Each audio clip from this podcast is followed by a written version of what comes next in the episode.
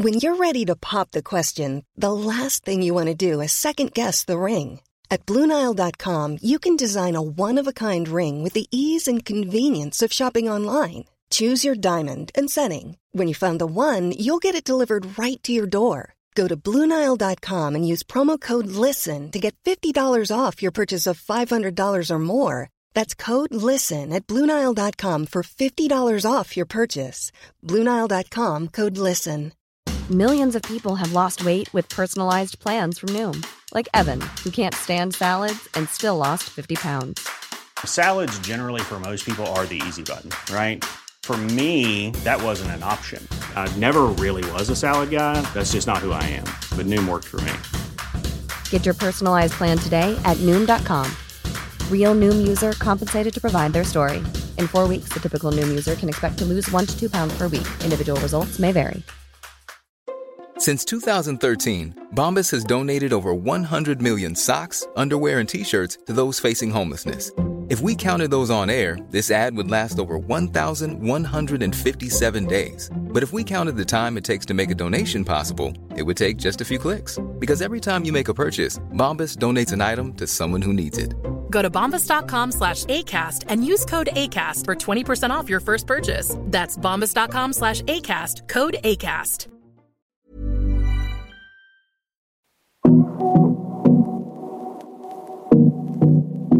Hej, varmt välkommen till avsnitt 197 i Karriärpodden. Den här veckan gästas jag av Karin Svensson som är Executive Vice President People and Change på Tele2. Karin har en bakgrund som konsult med många år på Accenture i ryggen, som partner och i roller som nordisk HR-direktör och Human Capital Lead. Hon var efter det egenföretagare i flera år, där hon hade olika uppdrag som interimschef och ledde stora organisations och förändringsprojekt inom HR. Det var också under den här perioden som Karin tillsammans med Annika Thunberg skrev boken Rätt ledare, bättre resultat om att lyckas med ledarförsörjning. När de sammanslagna bolagen Tele2 och Comhem behövde en riktigt skarp HR-direktör som kunde driva integrationsprojektet och bygga en gemensam kultur, då rekryterade man Karin, som då blev ensam kvinna i den dåvarande koncernledningen. Sedan dess har Karin aktivt drivit frågan tillsammans med sitt team om att öka andelen kvinnor på alla nivåer i företaget. Tele2 har nu över 25 procent kvinnor på både exekutiv och senior ledningsnivå och rankades högst bland OMX 30-bolagen för sitt jämställdhetsarbete i våras. Det här är ett samtal om ledarskap och hur man kan jobba strategiskt för att uppnå jämställdhet. Men också ett samtal om att göra karriär inom ett globalt managementkonsultföretag och om att vara van att vara ensam kvinna bland män. Och hur man kan använda rondellen som metafor för sin karriärplanering. Innan vi drar igång vårt samtal vill jag passa på att tacka Karriärpodden och Women for Leaders samarbetspartner Volkswagen Group Sverige. Tack för att ni gör det möjligt att vi får fortsätta sända Karriärpodden och lyfta fram fler förebilder. Här kommer nu avsnitt 197 med min gäst Karin Svensson. Jag heter Eva Ekedal.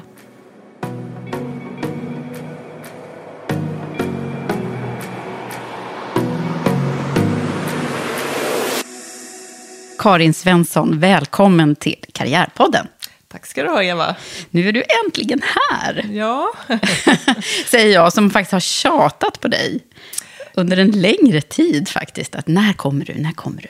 Ja, jag har försökt eh, ligga lågt och undvika det här. Det är inte riktigt mitt eh, bästa format. Nej. Att vara med i den här typen av sändningar helt enkelt. Det ska vi se om det mm. verkligen är så.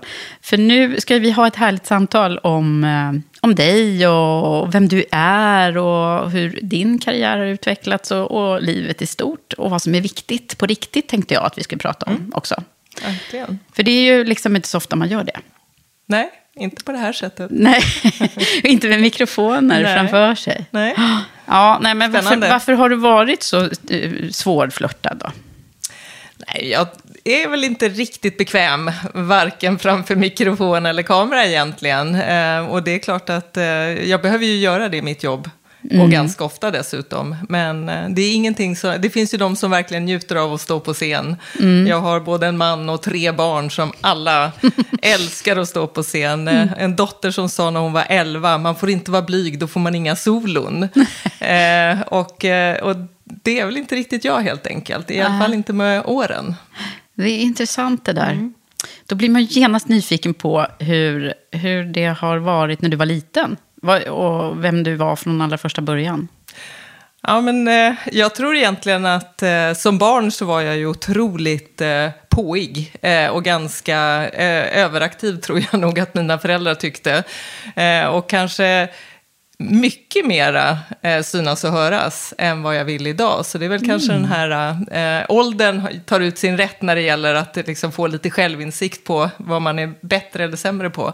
Som barn var jag nog otroligt eh, eh, mån om att synas och höras och vara med överallt. Eh, så att, eh, ja. Men är inte det där ganska fascinerande hur vi lägger på en massa liksom filter sen om, om vad som är bra och, och rätt och fel eller om man är bra på något eller inte och sådär.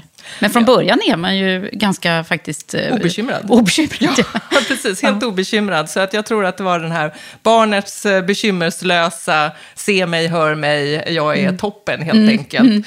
Eh, och också tror jag en ganska stor del av tävlingsmänniska där bakom eh, faktiskt, som gjorde att eh, jag gillade helt enkelt att synas, jag gillade att tävla, höll på med mycket idrott. Eh, och tävlade i idrott både i simning och pingis och basket under hela min uppväxt. Det tror jag i och för sig också var för att eh, jag var väldigt aktiv som barn, så jag tror att mina föräldrar tyckte det var ett bra sätt att eh, jag fick liksom utlopp för det på liksom olika former av idrott före, eh, efter skolan och matcher på helgerna, så att jag var riktigt så trött. mycket energi där. Mycket energi och eh, började skolan ett år tidigare just av samma anledning. Att jag tröttnade på dagis helt enkelt. De kunde inte sysselsätta mig. Ah, okej. Så Var det att, för att du eh, var så här jätteduktig redan från början att läsa och skriva? Jag tror snarare otålig, liksom, snarare än att det kanske var liksom, de akademiska meriterna då som sexåring. Men eh, det var verkligen eh, snarare det här att jag behövde hela tiden framåt och sysselsättning. Så det var nog ganska tydligt. Är det så fortfarande? Ja, men jag tror faktiskt det. Jag tror faktiskt det. Eh, eh, Inte så liksom planerat, liksom. livet har inte varit liksom utstakat eller att jag haft ett tydligt mål och syfte med allting, utan jag är nog mer så här otålig, vill framåt. Framåt-människa brukar jag säga. Jag är inte nostalgisk, jag är inte speciellt eh, sådär ser bakåt, utan Nej, och jag vill gud, liksom och hur ska det här gå då? Vi- Det är det man gör här. Nej, man, man ser först... eh, Jag brukar säga så här, apropå det här med att titta tillbaka. eh, Att man, att man eh, behöver ibland ta en titt bakåt och ta fart bakifrån för att komma framåt. Eh, Men, så det kan du få göra nu då, tänker jag, med, Ja, med mig här. Men, men eh, alltså om, vi, om vi eh, sneglar lite mm, kort in i din, eh, i din uppväxt, vad är det vi hittar mer då än den här energiska eh, tävlingsinriktade Kari? Nej, men en väldigt självständig eh, person. Och så måste jag säga att jag har förmånen att ha föräldrar som verkligen, verkligen har stöttat det här att eh, våga göra saker hela tiden. Jag var på språkresa som 13-åring. Jag fick tågluffa genom Europa med min syster som då var 18. Ehm, Och var i USA ett år eh, och då var jag 16 när jag åkte dit ett år. Och det är klart att det var ju långt före internet och mobiltelefoner, så där var man ju verkligen ensam ett helt år. Eh, så att eh, både då att viljan att göra de här sakerna och drivet och ta tag i det och verkligen komma iväg. Det tror jag är den här självständigheten, att vilja liksom testa och våga göra saker, men också ett enormt stöd hemifrån från föräldrarna. Eh, och de gör samma sak med våra, eh, sina barnbarn nu. Eh, och stöttar hela tiden att man ska våga, man ska prova, man ska inte vara rädd liksom, att ta de här stegen ut. Eh, och det har jag verkligen lärt mig. Och jag gillar ju självständiga och jag försöker upp, eh, fostra våra barn till att bli så självständiga som möjligt. För jag älskar när man ser att de testar saker som jag kanske inte har testat eller som jag absolut inte skulle kunna. Och, eh, så det tror jag har fått Så med mig som barn. självständigheten Självständigheten. Mm. Mm. Och jag läste alldeles nyss, en, en, eller jag hörde en, en ny, ny studie, studie som hade kommit där, vi, där de hade kommit fram till att det var så otroligt mycket som man har blivit präglat av eh, genetiken. Mycket mer än det här arv och miljö. Liksom, att, jag vet inte om du hörde det, men det var så här, det var bara 5 procent som de här forskarna hävdade var miljön. Var miljön, ja. Va, vad säger du om det? Om man tänker på dig och dina genetiska drag då. Vad, liksom, eh, Svårt. vad är det du har med dig eh, ifrån dina föräldrar där då? Nej, men jag tror att eh, även, eh, även föräldrar, mina föräldrar har också på något sätt eh, rört sig utanför, liksom hela tiden förflyttat sig på något sätt, eh, tror jag. Vilket gör också att eh, jag har känt att man, man gör de här förflyttningarna. Man, man flyttar från den trygga orten. Båda föräldrarna är nere från eh, Västergötland och Halland, flyttade till Stockholm. Eh, var ju inte en uppenbar flytt då på den tiden, blev kvar. Eh, eh så att jag tror just den här att eh, testa nya saker och, och, och våga. Det har jag nog fått med mig på något sätt därifrån. Och tryggheten i att eh, jag kan.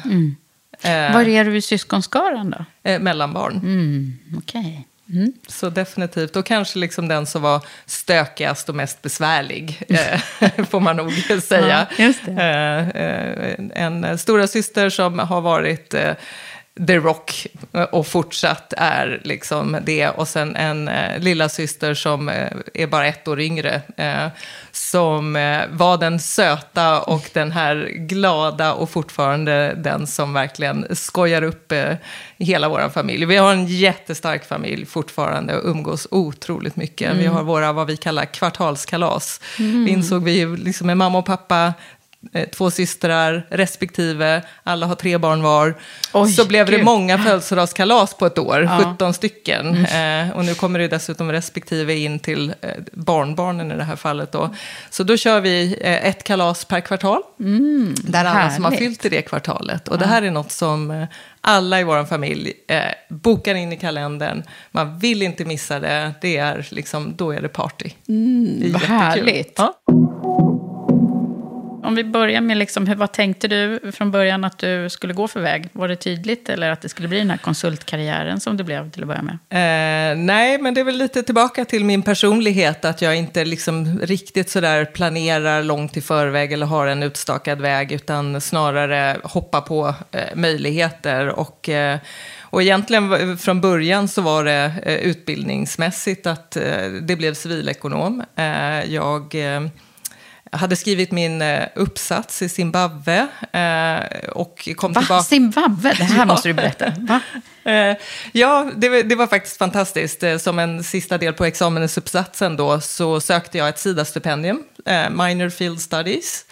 Eh, vilket här var 1988. Eh, det var 50 000 kronor. Det var oerhört mycket pengar.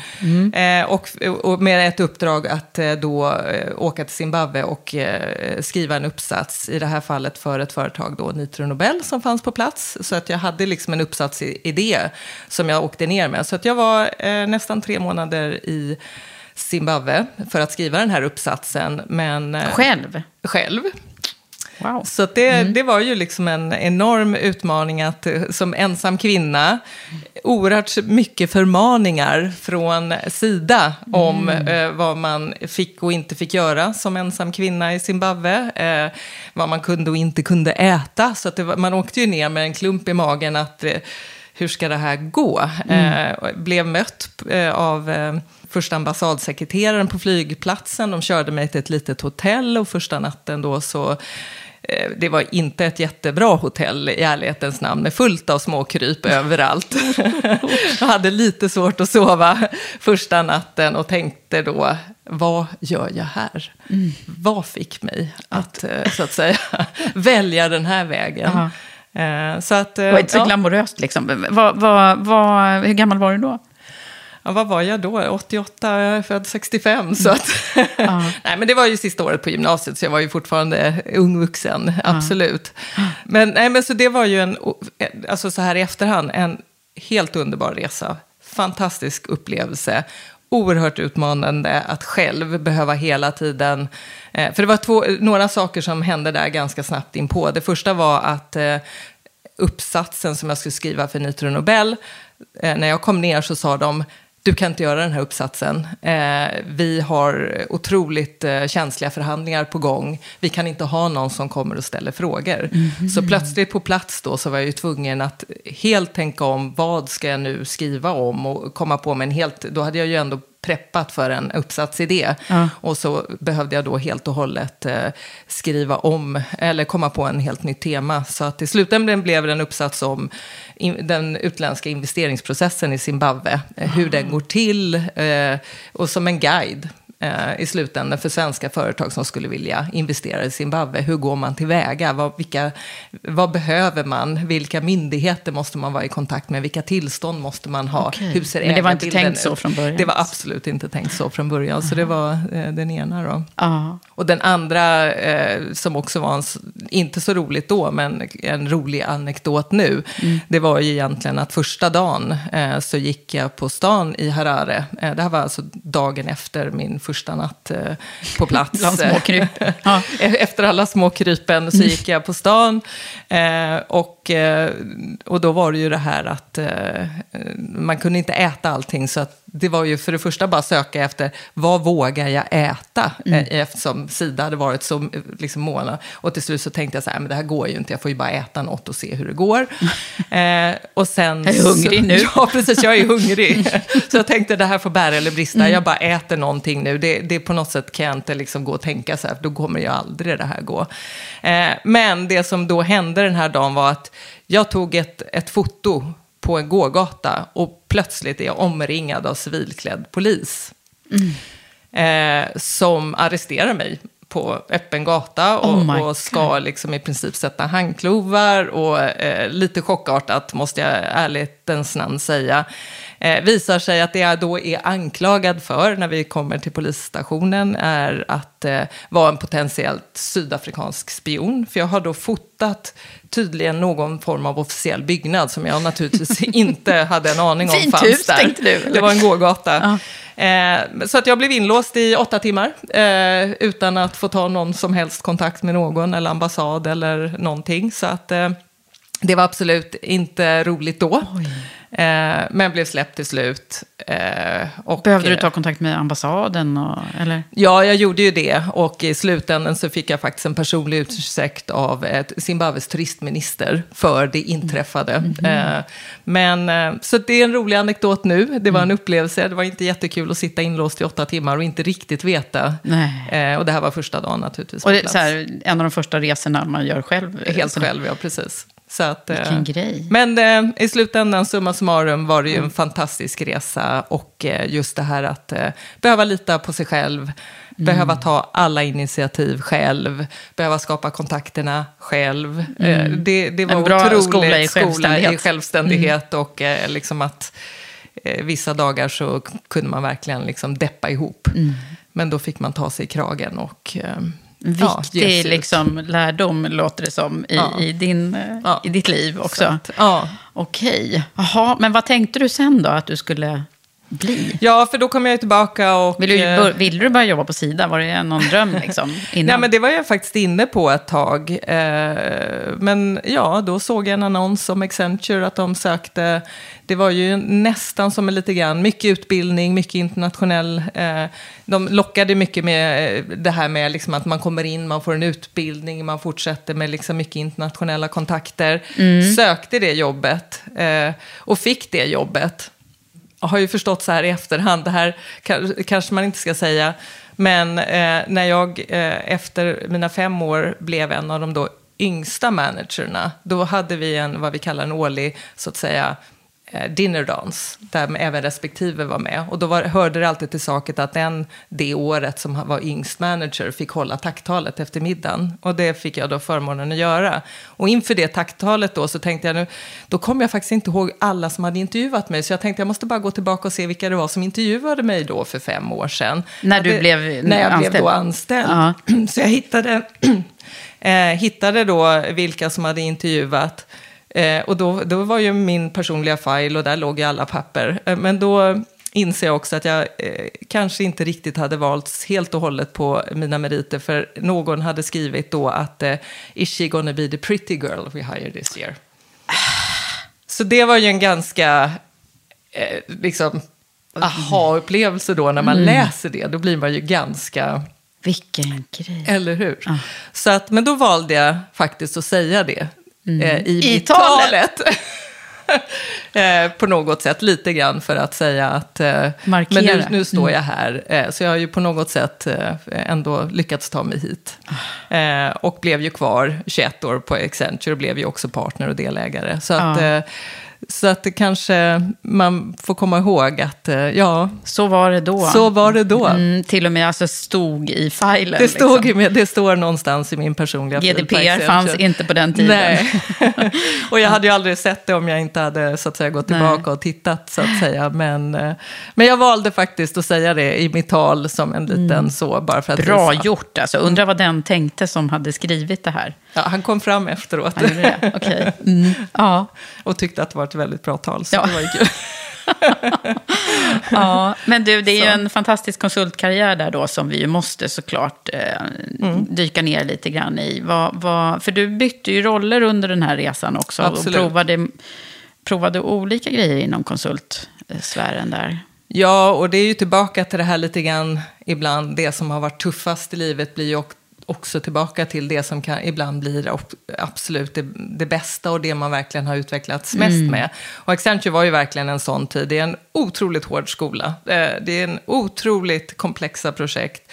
Enorm arbetsbelastning eh, och många gånger som man tänker att det här går inte. Jag klarar inte det här. Så alla de Jag här skrönorna om vad man tror, så här, jobba 24-7 i, i de här bolagen. Det, det, Ja, men delvis måste man ändå säga. då. Mm. Under den här tiden var det ju definitivt så eh, att vi jobbade oerhört hårt. Eh, på det första projektet jobbade vi till och med skift under en period. Eh, men, eh, men det här är ju väldigt länge sedan. Jag började ju 89, så det har hänt oerhört mycket naturligtvis. Mm. de har fått in företag. lite hållbart arbetsliv där Eh, också. Absolut, Mm. absolut. Så att nu pratar vi ju anekdoter från den tiden. Men, men med det sagt så, så är det ju ändå eh, en fantastisk... Spelplanen är ändå väldigt tydlig. Mm. Så att det, och vilket jag tycker är, är jättebra och någonting som jag verkligen har tagit med mig också. Att så länge man gör sp- spelreglerna klara Mm. så kan man ju välja om man vill vara med och spela det spelet eller inte. Eh, så det, och det var, Mm. För det var väldigt, tydligt. tydliga karriärvägar och jobbar Absolut. man på och presterar bra så belönas det. Liksom. Absolut. Mm. Eh, så det, det var extremt tydligt. Att, eh, och, då menar jag att då har, då har man ju ändå det här personliga valet. Och säga att ja, men jag ställer upp på de här spelreglerna eller jag gör det inte. Eller det, det här spelplanen passar mig eller den passar mig inte. Mm. Och det är klart att stundtals så är det, i alla jobb tror jag. Så blir det ju ändå att man kan tvivla på sin förmåga. För då är man också omringad av otroligt duktiga människor.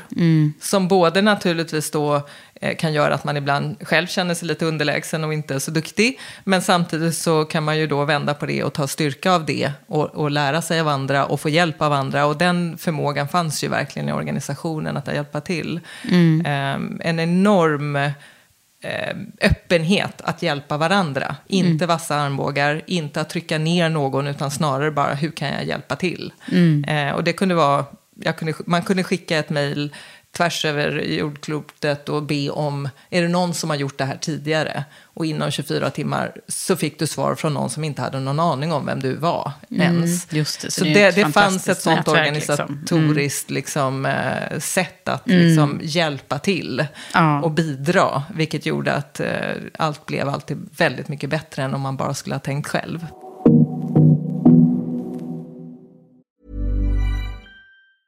If you thought the only way to get a more defined jawline with natural looking results was through surgery, think again. Juvederm Volux XC is a non surgical injectable gel filler that improves moderate to severe loss of jawline definition and can help you achieve natural looking results with little downtime. Even better, this improved definition lasts up to one year with optimal treatment. No maintenance required. Improve jawline definition for a smooth, sculpted look with Juvederm Volux XC. For important safety information and to find a licensed specialist, visit juvederm.com. That's J U V E D E R M.com. Not for people with severe allergic reactions, allergies to lidocaine, or the proteins used in Juvederm. Common side effects include injection site redness, swelling, pain, tenderness, firmness, lumps, bumps, bruising, discoloration, or itching. There's a risk of unintentional injection into a blood vessel, which can cause vision abnormalities, blindness, stroke, temporary scabs, or scarring. Talk to a licensed specialist specialist to find out if it's right for you. Getting engaged is a moment worth cherishing. A one of a kind ring that you design at Blue Nile can help your love sparkle. Just choose your diamond and setting. When you found the one, you'll get it delivered right to your door. Finding the right engagement ring can be nerve wracking. At Blue Nile, you'll have the expert guidance needed and a diamond guarantee that ensures you're getting the highest quality at the best price. Cherish all of life's moments and save up to 30% at BlueNile.com. That's BlueNile.com. Introducing Wondersuite from Bluehost.com. Website creation is hard, but now with Bluehost, you can answer a few simple questions about your business and get a unique WordPress website or store right away. From there, you can customize your design, colors, and content. And Bluehost automatically helps you get found in search engines like Google and Bing. From step-by-step guidance to suggested plugins, Bluehost makes WordPress wonderful for everyone.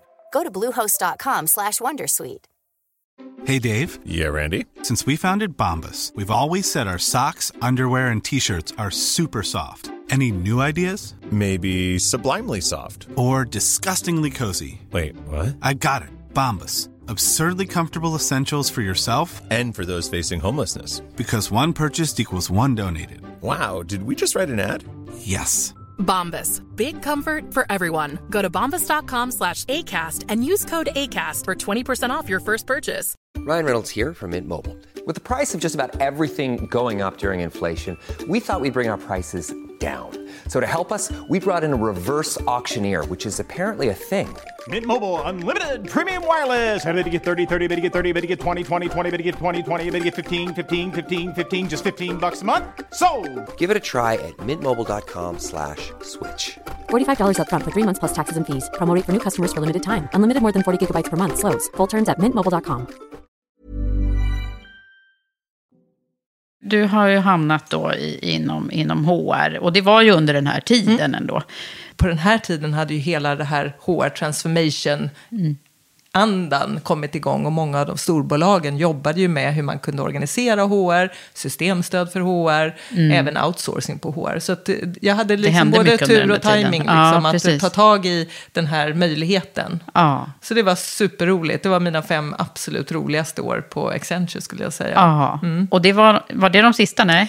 Det, det var inte de sista, Nej. för att eh, då hade jag ju tänkt att jag skulle kanske lämna Accenture. Det är ofta så, det dalar lite på slutet. Två gånger har jag, jag har faktiskt sagt upp mig en gång, eh, två gånger har jag sagt upp mig från Accenture faktiskt. En Mm. gång faktiskt innan, eh, i slutet på 90-talet i dotcom-eran. Mm. Då hade jag fått eh, ett erbjudande att börja på ett startup. Eh, och som alla andra, du vet, så Ja, var man ju då liksom, kastade man sig kastade man sig över de här möjligheterna. Blev övertalad att stanna kvar faktiskt. Eh, vilket jag är så här i efterhand jätteglad för. För att eh, den startupen visade sig sen inte ha den finansiering som de hade sagt i rekryteringsprocessen att de hade ordnat. Så att det blev aldrig någonting av det. Det visste jag ju inte då. Nej. Men, men jag stannade, valde att stanna på Accenture. Men, eh, men så hade jag då eh, tänkt efter mina fem år i den här rollen att nu eh, måste jag ju ta mig i kragen och göra någonting mer eh, i karriären än att vara på Accenture. Men då blev den nordiska HR-chefsrollen ledig av olika skäl. Så då tänkte jag att nej, men det kan jag prova. Mm. Eh, och då fick jag ta den rollen ehm, och gjorde det de sista knappt tre åren då i, på, på Accenture. Mm. Men du, jag måste ju bara, innan vi liksom lämnar den här Mm. långa fina konsultkarriären. Du blev ju partner då. Mm. Och det blir man ju inte bara sådär. Det vet ju jag som har jobbat i rekryteringsvärlden och har hört mycket historier om det här. Men det var, jag tänker kopplat till jämställdhet, Mm. det var ju, det och är ju fortfarande så, att det är för få kvinnor som blir partner. Absolut, och, och det är ju absolut... Eh, nu tror jag återigen, nu, jag slutade ju 2010, jag tror att man, det har hänt, eller jag vet att det har hänt jättemycket även på ett bolag som Accenture på samma sätt som det har gjort i de flesta. Men när, när jag blev partner så tror jag att det var drygt 5 000 partners globalt och vi var 4% kvinnor. Mm. Så det är en oerhört liten del kvinnliga partners Ja. naturligtvis.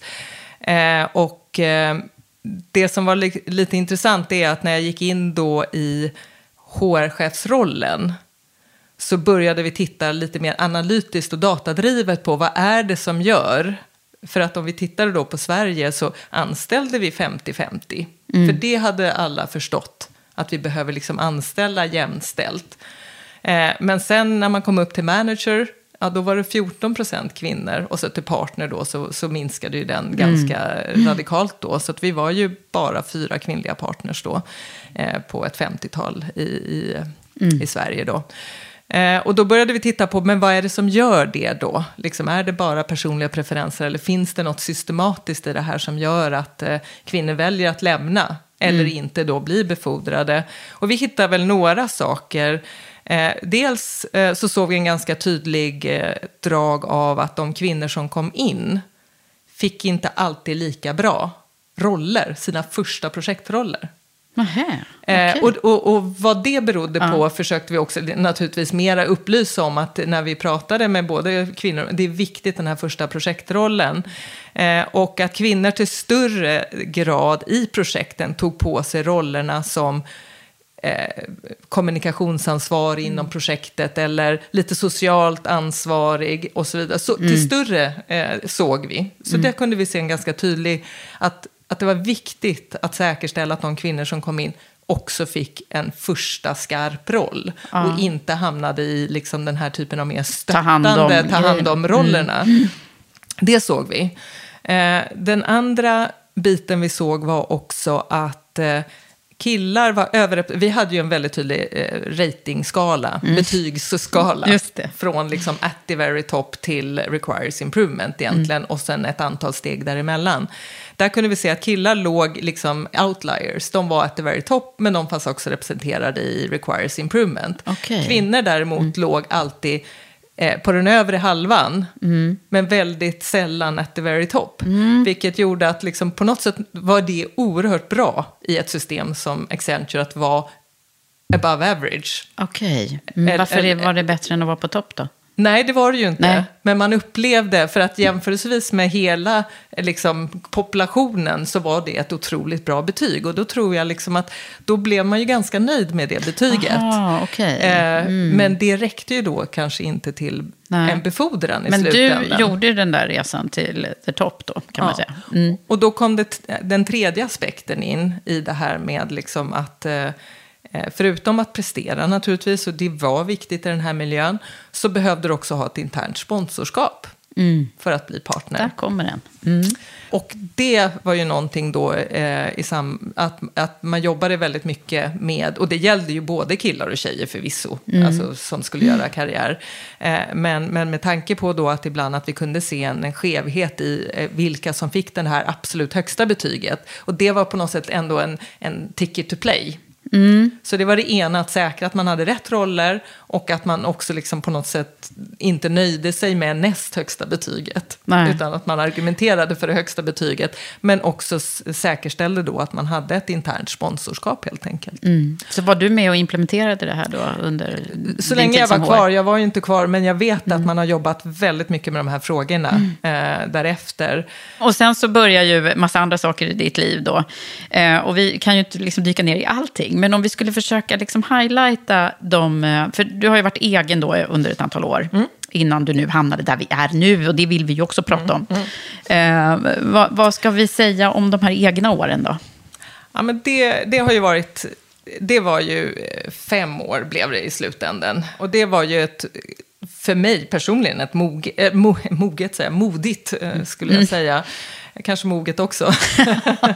Eh, Ja, beslut det är ofta det. eh, att våga eh, ta det steget och inte. Jag hade ju ändå varit i en trygg anställning och hela tiden jobbat i ett sammanhang och här plötsligt skulle man ju ändå bevisa sig lite grann att man kunde komma ut och få, få roller och, och stötta eh, liksom med det jag har gjort och, och med den kompetensen eller den eh, liksom, erfarenheten jag hade med mig in. Så nu var du tillbaka till självständigheten på riktigt Nu var, igen då? nu var ju verkligen Zimbabwe igen, liksom. Ja, precis. Och, och, och ta det här steget. Nu gjorde jag det tillsammans med en, en, eh, en väldigt nära vän och för detta kollega Mm. eh, på Accenture. Eh, som faktiskt valde att lämna sin anställning för att vi då eh, skulle kampera ihop i vårt bolag Annika pratar Annika. Thunberg. Och, eh, så det var ju några superkul år. För min del blev det fem år. Annika efter ett par år hoppade på en anställning. Och vi, det hade vi hela tiden, att det här är ju inte liksom något vi låser in varandra i, utan Mm. nu, nu ska vi göra roliga saker helt enkelt. Och så fick hon ett roligt eh, erbjudande som hon valde att hoppa på. Ja. Och då fortsatte jag själv sen. Eh, Men det var interimsroller inom HR och konsulting på olika sätt. Och Ja. en bok. Och en bok blev det, precis. Eh, och det var, det var faktiskt en, en lärdom där jag tror att eh, vi båda, och då, då kommer vi tillbaka lite till det här med själv, eller till eh, jämställdheten, för att vi båda funderade mycket på det här med eh, till ledarförsörjning. Eh, jag hade ju jobbat inom HR med ledarförsörjning och det här också med jämställdhet och, och liksom fler kvinnor i ledande positioner. Annika hade jobbat som headhunter. Eh, och vi hade liksom på något sätt, från ett externt eller ett internt perspektiv, lite grann tyckte vi att man, man eh, lite grann eh, inte pratade om det här med ledarförsörjning, liksom, hur ska vi ha det? Utan det blev väldigt liksom, korta puckar. Nu är det någon som slutar, nu ska vi Mm. tillsätta. Vi ser ju det i media också, att man har inga successionsplaner, man har inget tänk, man går externt. Mm. Eh, fast man kanske borde ha tittat eh, lite djupare internt. Om, finns det verkligen inte någon man skulle kunna Bygga. bygga upp då, då. Så att eh, då började vi och sa att nej, men låt oss skriva en, liksom en, en artikel om det här på något sätt och se, liksom, låt oss bara formulera våra tankar om hur, hur tycker vi att det borde vara eller vad, vad, hur ser vi på det här området. Så började vi med det och så insåg vi ganska snabbt, men vi borde nog prata med några eh, och höra hur man tänker på företag. Och så började det med att vi, tio företag borde vi kanske prata med. Så började vi kontakta några företag om de kunde tänka sig att prata med oss. Och där någonstans växte det fram, för det visade sig ganska stort intresse för att prata om de här frågorna. Eh, Så i slutändan så sa vi att vi skriver en bok om det här. Vad roligt. Och den heter vad då? Eh, Rätt ledare, bättre resultat. Och det här med rätt ledare var ju egentligen, för det finns ju otroligt mycket skrivet om vad bra ledarskap är. Mm, och vad, vad liksom Jag har massor med böcker överallt. Ja, så det fanns det ju. Mm. Så det var ju egentligen inte, utan vi, vi tänkte ju mer det här, vad är rätt ledarskap just nu? Och lite mer det här som jag fortfarande drivs av och tycker skulle vara spännande, men jag ser väldigt få företag jobba på det sättet. Lite mer tidsbaserade ledningsroller. Lite mer nästan kontraktsbaserat. Tyskland jobbar man väldigt mycket Mm. så. Man skriver ett kontrakt på tre år Mm. och sen har man då den uppgiften och sen så efter tre år så kan man förlänga eller välja att avbryta från båda håll. Just det, att det inte blir sådär Att på det inte blir att det är en livstidskänslan. livstids eller, att, eller plötsligt så är, förändras förutsättningarna för företaget och nu är man inte plötsligt rätt ledare längre för Nej. nästa fas. Men då i samband med att man kanske då blir ombedd att lämna så blir det en personlig prestigeförlust snarare än att Mm. det var bara nya och ändrade. Jag är inte bäst på den här typen av fas. Nej. Det kan vara neddragningar eller det kan vara tillväxt. Man är ju oftast bättre på Mm. Det där är saker. ju eh, liksom väldigt märkligt att vi inte kan eh, ha kommit längre på den fronten tycker jag också. För jag menar, tänker på gigekonomin och vi liksom interimar. Mm. Och, det är ju ett mer, en mer rörlig arbetsmarknad på så sätt. Men ändå så, så sitter det lite i cement sådär. Har man fått den där rollen, Ja. chefsrollen, så, så kan man liksom ha kvar den ganska länge. Ja, och det var egentligen min, in i den här boken så var det för mig väldigt det här att jag upplevde att det fanns många bra ledare, men som på något sätt blev kastade lite grann på sophögen för att de inte liksom var rätt framåt. Och tappade självförtroende eller självkänsla i onödan, för de skulle Mm. vara rätt i ett annat sammanhang. Så på något sätt just den här känslan av att eh, ha den här löpande dialogen i företagen. Har vi nu rätt ledarskap på plats för att göra det vi ska göra nästa då, vilken nu tidshorisont Ja. man har, beroende på om, hur snabbrörligt företaget är. Och, och kontinuerligt ha den dialogen tror jag är superviktigt då. Mm. Verkligen. Och, eh, Men du, vad kom ni fram till i, i boken? Ja, men flera saker. Dels att eh, man pratar inte om det sådär. Eh, och egentligen sa vi att det, inte, det ska inte vara så svårt. Det handlar snarare om dialogen. Att liksom, vad är rätt ledarskap för oss just nu? Och Mm. ha en samsyn runt det. Och har vi det då eller har vi inte? Och hur löser vi det? Att, liksom, att ha dialogen är viktigare än att fylla i några Excel-ark. Mm, mm. Eh, Vilket många gånger upplevs eh, kanske som en HR-process eh, att göra den här planeringen. Och det är det ju verkligen inte, utan det handlar ju om dialogen och samtalet om vi har eh, rätt ledarskap framåt. Så Ja. det var en, liksom att ha samtalet. Gör det inte överkomplicerat.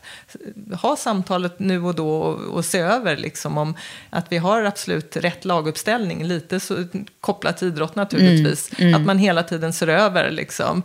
Vem får nu vara med i liksom skidlandslaget? Ja. Eh, vem har bäst förutsättningar för nästa period? Mm. Det innebär ju inte att de som inte får plats just då är dåliga. Nej, men precis. Man definition. kanske kan spela på en annan... eh, Eller satsa på skidskytte under en period.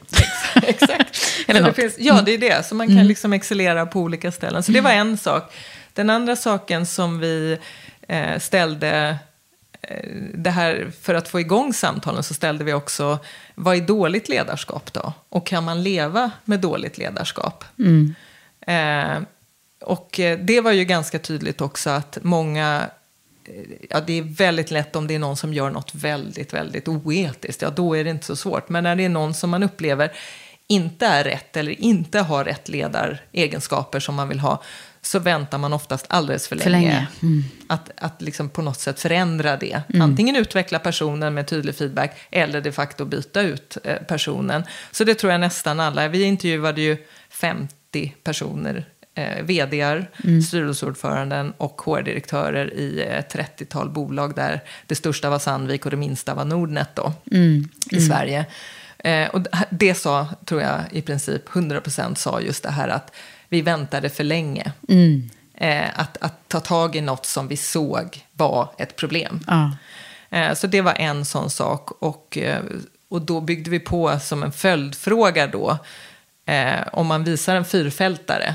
Där det ena liksom är prestation, att leverera resultat. Och det andra är hur man gör det. Så vadet och huret egentligen. Mm. Vad väger tyngst? Eh, och, eh, och det är klart att alla liksom skulle vilja ha båda och. Man Ja, gör det exakt. både, liksom, man Mm. levererar och man gör det på Men ett de var- de fantastiskt tvingades sätt. svara. Men de tvingades Mm. välja. Eh, och då var det faktiskt spännande att det är inte alls så att det, det fanns liksom ett rätt här. Nej. Utan eh, det fanns de som sa att nej, men alltså, att leverera resultat är absolut viktigast. Och sen får det inte vara liksom på ett oetiskt sätt. Men man kan liksom bortse lite grann för att man... Det viktigaste är liksom Att man inte lever Mm. helt enligt liksom Mm. företagets värderingar. Mm. Eh, och andra sa nej, absolut liksom att det är värderingarna som, eh, Mm. som liksom, man måste göra det på ett, på ett sätt som lirar med hur vi är som företag. Och då kan man inte liksom leverera dåliga resultat forever. Nej. Men, men det, det är på något sätt det är ändå liksom under... Mm. Eh, så det var kul att se. Men du, nu måste vi gå vidare här. Mm. Och eh, jag eh, tänker så här att du hann ju göra en massa saker under den där perioden. Men, men det är ju också med den liksom, erfarenheten i ryggen som Tele2 eh, hittar dig precis i samgåendet med eh, Kom hem. Kom hem. Eller hur? Visst var det så? Du Så kom in i samma veva där. Ja, eh. När det var, och kopplat till kvinnligt och manligt måste jag ju få säga det. Var det 16 eh, Ja, lednings... 14, eh, 14 i ledningsgruppen och jag var den enda kvinnan Ja. i den nya. Och jag den enda externa dessutom. Mm. Så att det är i och för sig, eh, liksom om, om man eh, ens ska sk- skapa någon ursäkt, eh, eh, vilket jag, det är ju naturligtvis oerhört svårt och det blev ju uppmärksammat Ja, det blev, jag blev uppringd också i det där sammanhanget och frågade om jag ville uttala mig om detta. Denna Ehm. led, nya ledningsstruktur. Och jag var ju inte Mm. naturligtvis med och tillsatte den här ledningsgruppen, utan jag, jag kom ju in i ledningsgruppen. Eh, och, eh, och det är klart att det eh, både externt och internt inte togs emot speciellt väl, helt enkelt. Nej, så det var liksom det första hindret som man... eh, det blev ju liksom naturligtvis ett eh, ganska stort rabalder där. Och, eh, och också någonting som vi behövde ta tag i direkt. Eh, och, och också Vad tänkte du då? då? Ja, det, det som är faktiskt lite liksom... Vad ska man säga? Det som är lite naturligtvis tråkigt när jag tänker tillbaka på mig själv då i hur jag reagerar, det är att jag har ju levt i den där typen av värld Ja, i hela min det. Du- karriär. Liksom, det här var ju inte en helt ovan miljö för mig att vara i, ensam kvinna i ett rum av män.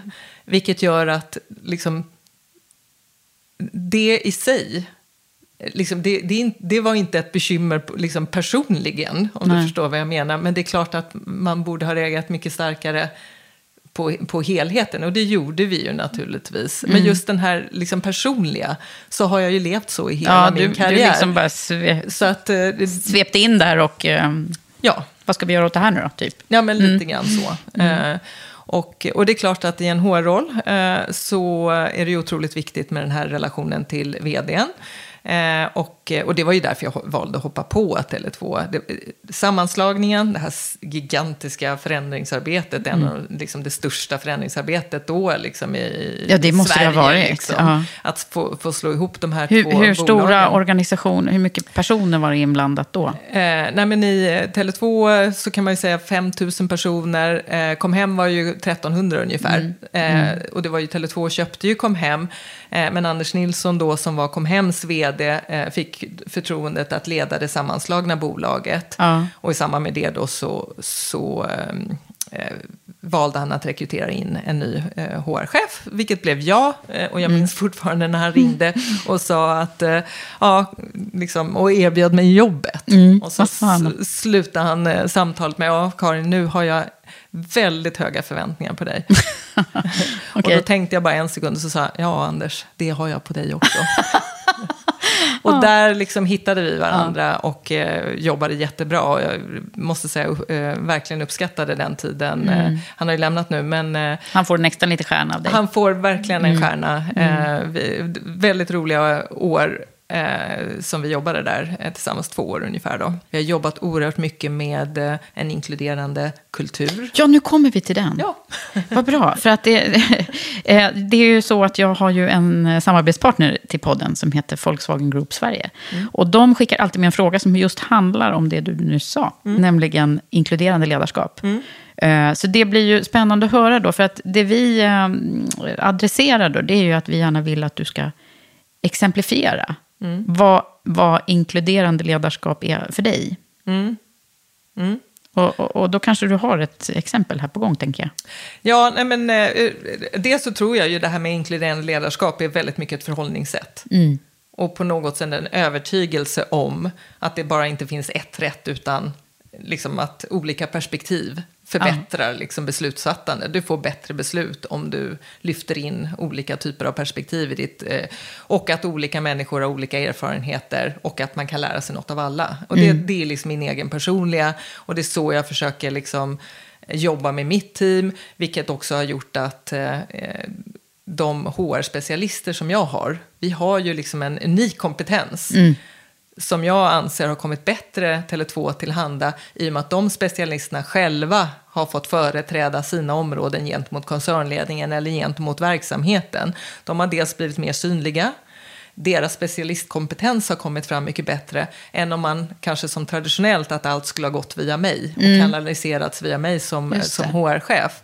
Så att istället för att eh, min eh, compensation and benefits person skulle ha berättat för mig allt som hon nu har förberett och tagit fram och så ska jag försöka återberätta det Mm. i en remuneration committee så är det klart att det är hon som föredrar det där. Ja. Eh, och, och på samma sätt om vi nu har liksom runt eh, arbetsrättsliga frågor, att det är min liksom, eh, person som är ansvarig för eh, Labour Relations som, som gör de dragningarna i koncernledningen. Det tror jag har varit otroligt positivt för personerna själva, men framför allt för verksamheten, för de har ju fått en mycket bättre eh, stöd Mm. från min Så att inkludera fler i, i, liksom i högsta beslutsfattandet helt enkelt. Det, det tycker jag Mm. liksom har varit en, en sån sak.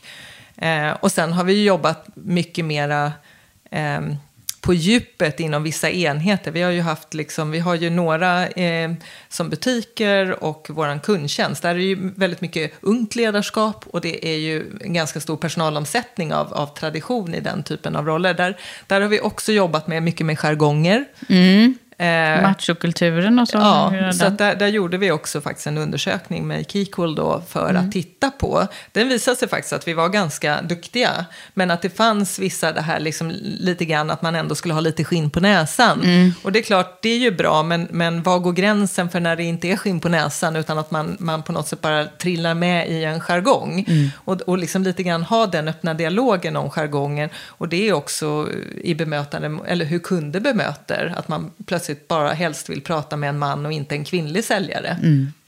om man då tolererar det eller inte. Lite, Ja, lite det var sådana frågor Det var sådana frågor också som kom upp. Att Mm. det, så det var både i kundmötet men också i, i liksom hur man jobbade ihop som team. Mm. Så vad spännande att höra. Och det finns ju, vi skulle säkert kunna spela in ett avsnitt till om eh, kulturen och eh, resan som du just nu är inne i. Mm. Vi kanske ska nämna någonting om hur läget är nu på Tele2. Eh, Bytt vd. Vi har bytt vd. Eh, nu har vi en normal, Kjell Morten Jonsen, som Mm. kom in här i september. Och, eh, och då som alltid så är det ju klart att eh, Tele2 är en väldigt värderingsstyrd kultur, vilket är fantastiskt. Jag måste verkligen säga det. Jag tycker det är ett, det är ett otroligt härligt företag. Mm. Det, det här med värderingar och kulturen och Tele2-andan, den är oerhört stark. Mm. Eh, och något som vi med näbbar och klor försöker liksom Mm. fortsätta och, Och ni är och ett bygga nu, för. man pratar inte om gamla kom hemmar och sånt där längre. Nej, det tycker jag faktiskt att vi har Mm. kommit ifrån nu. Nu är vi eh, ett bolag. Vi fortsätter att jobba naturligtvis med många liksom, förbättringar och, och, och, synka och så vidare. Men jag tycker att vi verkligen är ett, ett bolag nu. Mm. Och vi jobbar väldigt mycket med liksom det här att once a Tele2er, always a Tele2er. Mm, mm. Att, eh, att man ska liksom, vi ska vårda de som jobbar hos oss medan man är där. Men lämnar man oavsett av skäl så ska man ändå liksom ha känslan av att jag var, jag var med, jag var Mm. där och ha den här positiva inställningen då. Så att eh, vi, vi jobbar vidare väldigt mycket nu då naturligtvis när det kommer in ett nytt ledarskap. Eh, så handlar det om att få upp den dialogen igen då med medarbetarna. Så Mm. hela den här Så att förtroendebiten förtroendebiten liksom. Mm. behöver man ju börja bygga igen. För, för att man är oerhört eh, villig att lyssna eh, på och, och liksom ta till sig. Men man behöver få det där förtroendet. Och ett sätt som vi eh, har gjort det är med väldigt tät dialog med våra medarbetare. Vi har då eh, en sån här Teams Live-event. Men där, där också alla medarbetare i chatten får ställa vilka frågor de vill. Och så svarar då vdn eller jag eller vi är Mm. några stycken som sitter runt bordet så att säga beroende på vad det är för frågor som dyker upp. Och dessutom så kan man då ställa frågor anonymt eller med namn i den här chatten och sen Mm. så läser liksom vi upp Mm. dem. Härligt Karin. Jag tänker så här att eh, det är ju roligt att få följa med över hela din karriärresa. Och då brukar jag ju alltid också dyka ner i eh, saker som har hänt. Då har vi ju pratat lite grann om sådana saker som säkert har varit avgörande för att du står där du är idag och är den du är idag. Men, men när man tittar på så här liksom präglande stunder i livet så hittar man ju oftast både ups and downs. Mm. Vad, vad, vad har du för någonting som du kan eh, ringa in så här är viktiga stunder? De, de som har varit så här vägskäl, att då var det Mm. tufft eller då var det bra. Du får välja. Du Ja, börja. Eh, nej, men vägskälen har väl egentligen... Det har inte varit liksom såna här skarpa vägskäl. Det har ju varit vid något tillfälle när jag har valt att lämna eh, ett arbete där jag liksom på något sätt kände att här rimmar inte mina värderingar med, med den chefen som jag jobbade med. Mm. Och det har varit en sån tydlig, och det var också en, något som jag verkligen lärde mig av att det ska jag göra igen om jag hamnar i samma situation och jag kanske inte ska vänta så länge. Mm, mm. Utan eh, oftast så känner man ju på sig. Eh, Mm. Men jag försökte vända och vrida på mig för att på något sätt vara till lags eh, i det här fallet. Eller försöka liksom förstå eh, spelplanen. Mm. Eh, och trodde kanske att det låg hos mig, varför inte lirade. Men till slut så insåg jag att nej, men det är nog faktiskt inte, det ligger inte hos mig utan det ligger hos den andra. Eller, Ja. eller i kombinationen av oss två. Så det Mm. tror jag var ett sånt liksom vägskäl eh, där jag gjorde det. Eh, och att då i samband med det så startade jag också liksom det här egna företaget. Det tror jag ändå har varit för min egen, egen personliga del och de uppdragen jag fick förmånen att Mm. jobba med under de här fem åren. Väldigt varierande från att vara interims-vd eh, på Svensk Adressändring till att Mm. ha varit på Nya Karolinska eh, till att ha varit i Danmark när Telia och Telenor skulle merga på den danska marknaden. Mm. Väldigt, väldigt olika karaktär på uppdrag. Eh, otroligt liksom, spännande att få dyka ner och också känna hur man bidrar när man kan fokusera på en uppgift. Mm. Liksom att vara där och bara hel, hela min tid går åt till att hjälpa det här med den här uppgiften.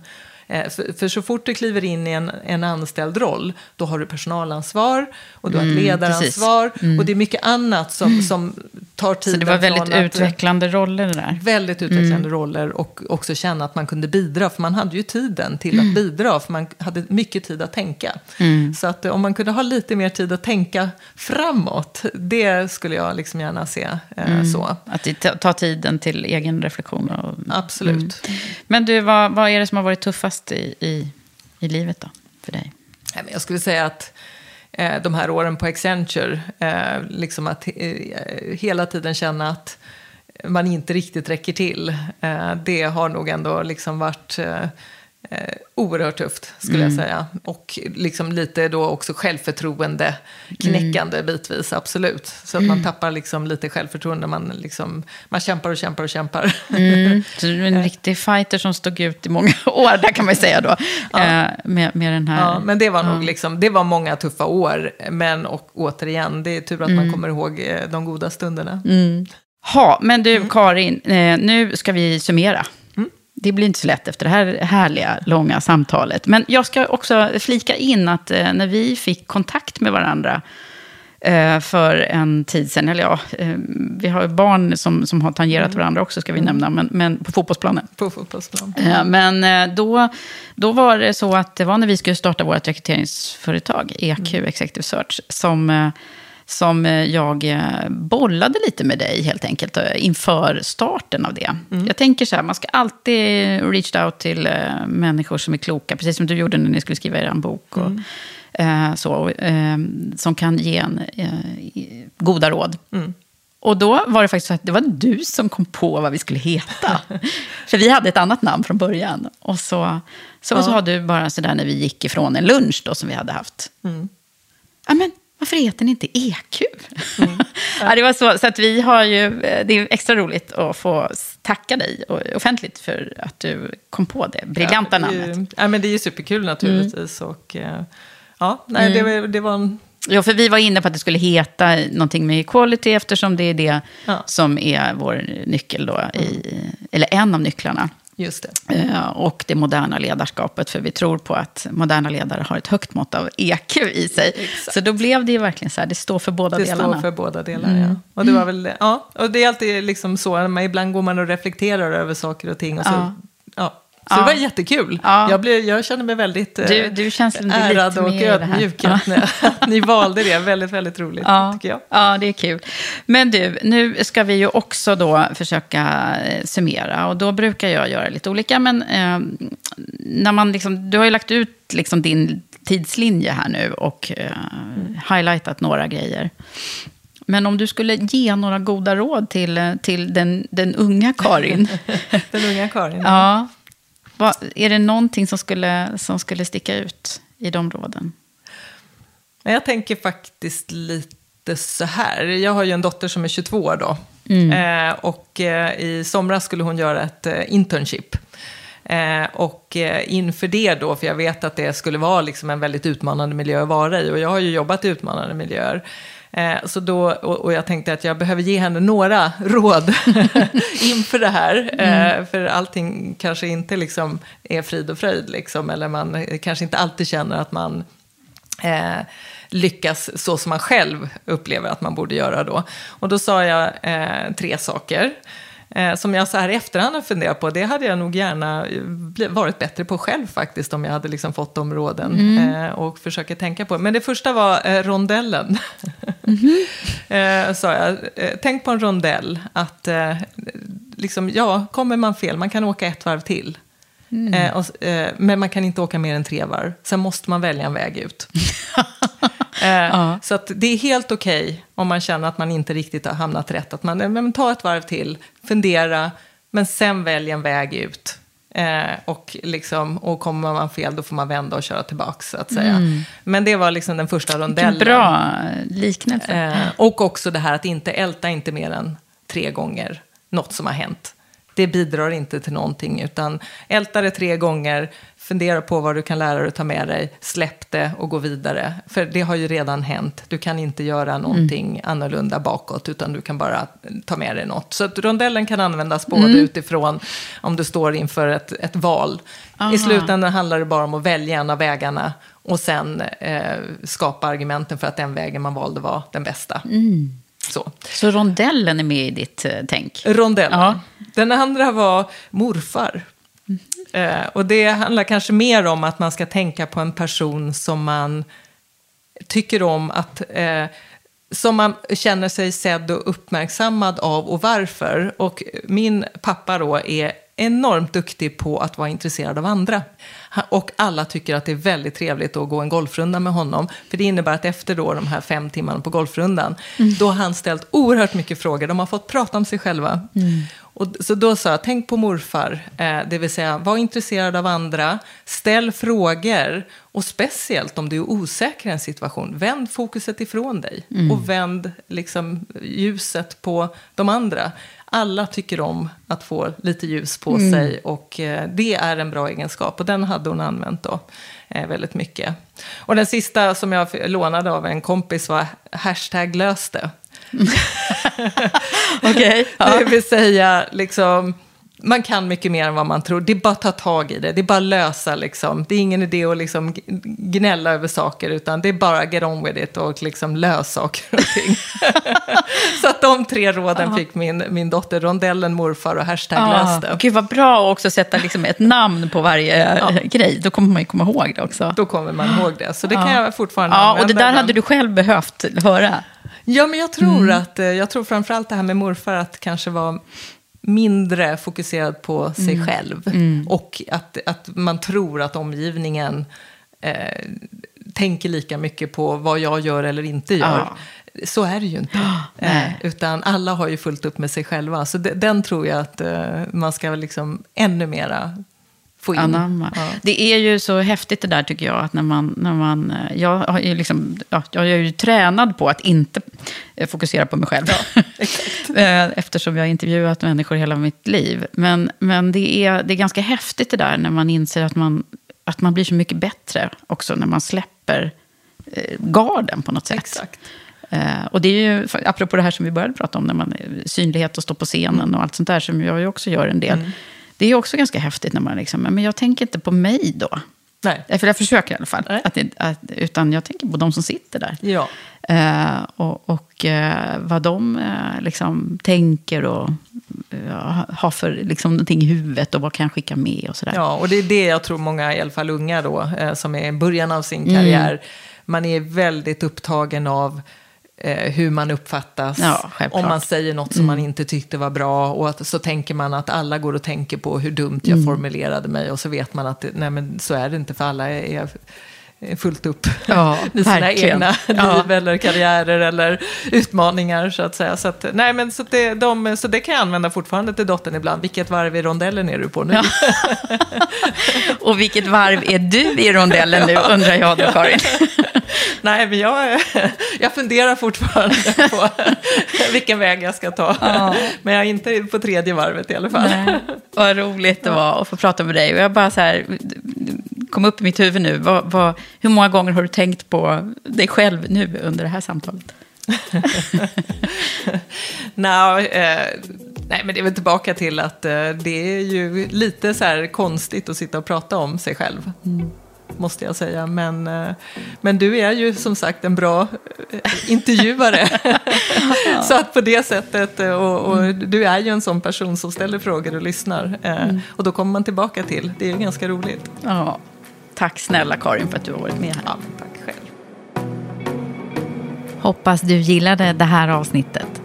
Stort tack till dig som har lyssnat på mig och min gäst Karin Svensson. Du som gillar det vi gör här i Karriärpodden och i Women for Leaders. Du följer väl oss också i alla kanaler och prenumererar på podden så du inte missar när nästa avsnitt kommer. Och vill du stötta oss så får du gärna gå in och stjärnmarkera och skriva en kort kommentar om varför du gillar den här podden i iTunes.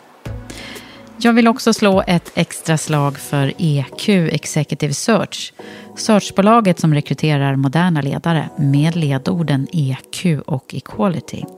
Gå in och läs mer om oss på eqexecutivesearch.com.